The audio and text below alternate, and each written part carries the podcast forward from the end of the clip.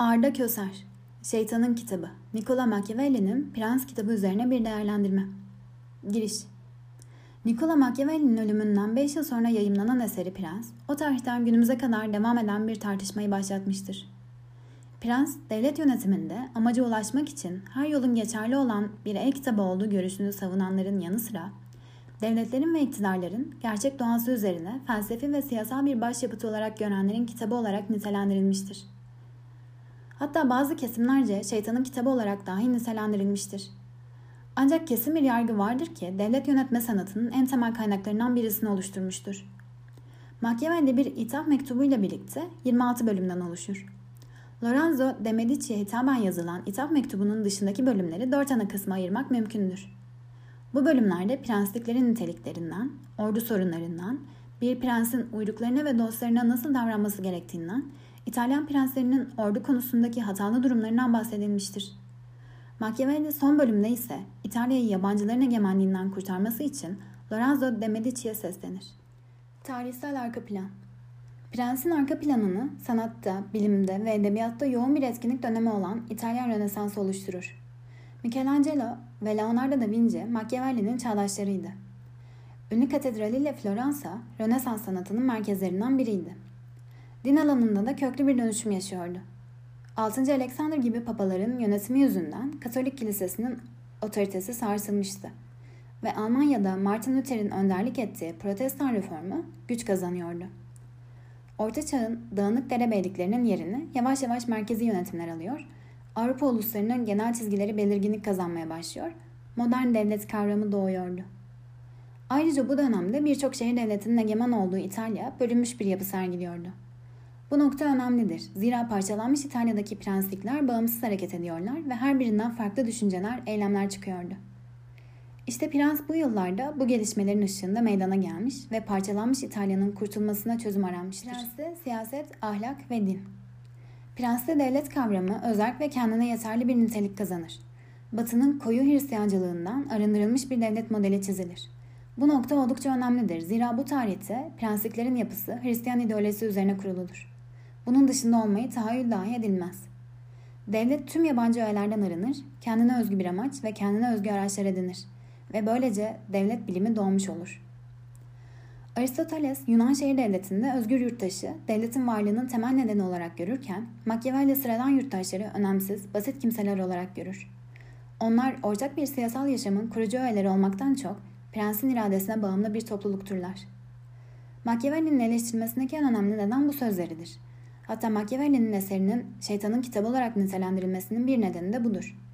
Demek ki yönetimin amacı halkın esenliği değil, devletin istikrarı ve kurulu düzeninin sürdürülmesidir. Gerçi Machiavelli istikrarlı bir yönetimin her zaman yurttaşların desteğine dayanması gerektiğini değişik yollarla belirtir. Ama odak noktası dış güçler ve işgal tehdidinin önlenmesidir. Prens ahlaki açıdan da çok eleştirilmiştir. Machiavelli geleneksel ahlak ilkeleri yerine yeni bir layık etik önerir. Dolayısıyla geleneksel ahlakın aykırı gördüğü şiddet ya da ahlak dışı tutum, özellikle kendine yeter ve istikrarlı bir devletin kurulması amacına yönelikse haklı görülür.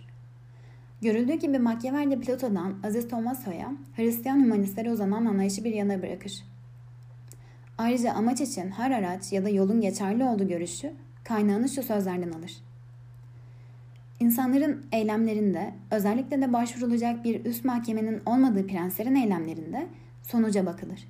Bu yüzden bir prens devleti ele geçirecek ve elinde tutacak şekilde hareket etsin.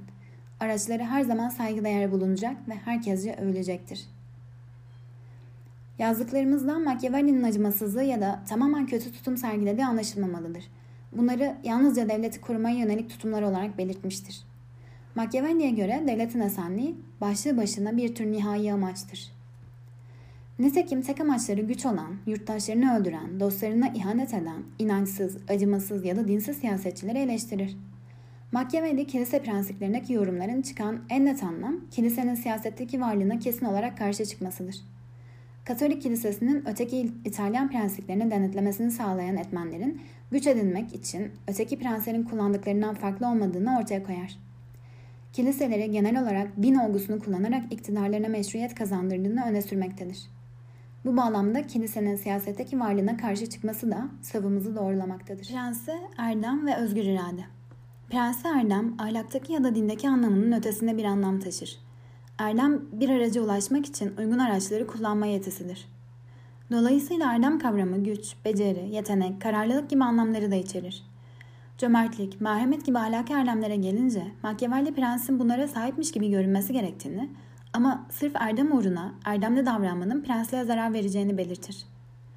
Daha önce de değindiğimiz gibi Machiavelli devletin yararına olacaksa prensin acımasızlığa ve dürüst olmayan yollara başvurabileceğini savunmaktadır. Prens özgür irade konusunda farklı bir bakış açısı getirir. Machiavelli insanların kendi yazgılarını belirleyebileceğini bir ölçüde inandı ama olaylar üzerinde insan denetiminin mutlak olmayacağını düşünmektedir. Yani bir kısıtlama söz konusudur ve denetimin önemini burada vurgulamaktadır. Prens'te devlet otoritesi bir prens Machiavelli'ye göre büyük girişimlerde bulunmak ve kişisel becerilerini somut olarak tam anlamıyla sergilemek kadar büyük saygınlık kazandırmaz. Machiavelli buna örnek olarak da İspanya kralı Fernando'yu örnek gösterir. Mesela savaş, düello, kahramanlık ve daha nice gövde gösterileri prensin saygınlığa edinmesine yardımcı olacaktır. Ayrıca bir prensin her eyleminde üstün zekalı ve büyük bir insan olduğu izlemini uyandırmalıdır. Machiavelli devletlerin ittifakı üzerine de önemli tespitler yapmaktadır. Eğer zorunlu değilse başkasına saldırmak amacıyla kendisinden daha güçlü biriyle asla ittifaka girilmemesini belirtir. Çünkü savaş kazanılırsa güçlü ittifak yapılan kişinin alenen tutsağı durumuna düşmekten prens kendini alıkoyamaz. Oysa prens başkalarının insafında olmaktan kaçınmalıdır. Zira bu durum prensin otoritesine ağır bir darbedir. Prensin yapması gereken bir diğer önemli faaliyet de yetenekli kişileri ağırlayarak belli bir alanda üstünlük gösterenleri onurlandırmak, onlara değer verdiğini göstermektir. İnsanları rahat ettirmeli ve özgür bir hava oluşturmalıdır.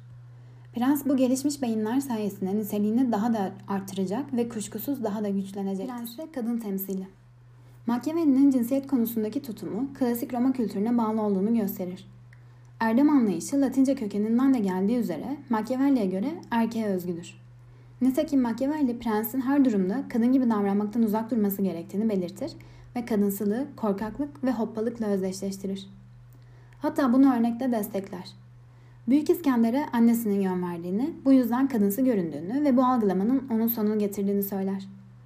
Yani genel olarak Machiavelli'nin erkeklik tanımı cesaret ve kararlılık gibi katı erdemleri içerir.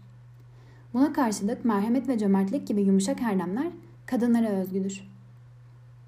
Bu bağlamda Machiavelli'nin net bir şekilde kadınları toplumsal olarak ayrı bir yere ittiği ve insanların zayıf özelliklerini kadına bağlaştırdığı açıkça görülmektedir. Açık bir şekilde ayrımcılık yapar ve erkek egemen bir toplum modelini Sonuç. önerir. Machiavelli'nin bu kitabı İtalya'nın kötü gidişine bir dur denilmesi için lider olarak gördüğü Medici ailesine yazmıştır. Bilgi ve tecrübe birikimini ülkenin içinde bulunduğu kargaşalarıyla yoğurarak ülkesinin liderine yol göstermeye çalışmıştır. Özellikle kilisenin faaliyetlerinin kargaşayı daha da artırarak kaosu sebep olduğunu düşünerek yazmıştır. Bu açıdan değerlendirildiğinde kendi dönemine ait milliyetçilik duyguları, bozulmuş bir Hristiyan itikadı ve siyasi entrikaların getirdiği bir psikolojiyle yazılmış bir eserdir. Machiavelli bu eseriyle düşünce tarihine önemli bir siyasal kuramcı olarak yerini almıştır. İtalya'yı birliğe ulaştıracak her araç Machiavelli'ye göre mutlak monarşidir, yetkisi sınırsız olan bir prenstir. Prens, İtalyan birliğinin sağlanması için adam mı öldürmesi gerekli? Öldürecektir. Yalan mı söylemesi gerek? Söyleyecektir. Ahlaka aykırı davranması mı gerekti? Davranacaktır. Bir antlaşma imzalansa bu antlaşmaya İtalyan birliğinin sağlanmasına yararlı olduğu sürece uyacak, olmayınca uymayacaktır. Ve verdiği sözden dönebilecektir. Prensi bu yolda bağlayan hiçbir sınıf, hiçbir kurum, hiç kimse, hiçbir yasa, hiçbir ilke olmamalıdır. Bu metin Dil Sosyal Dergisi için seslendirilmiştir. Seslendiren Zeynep İlayda Özer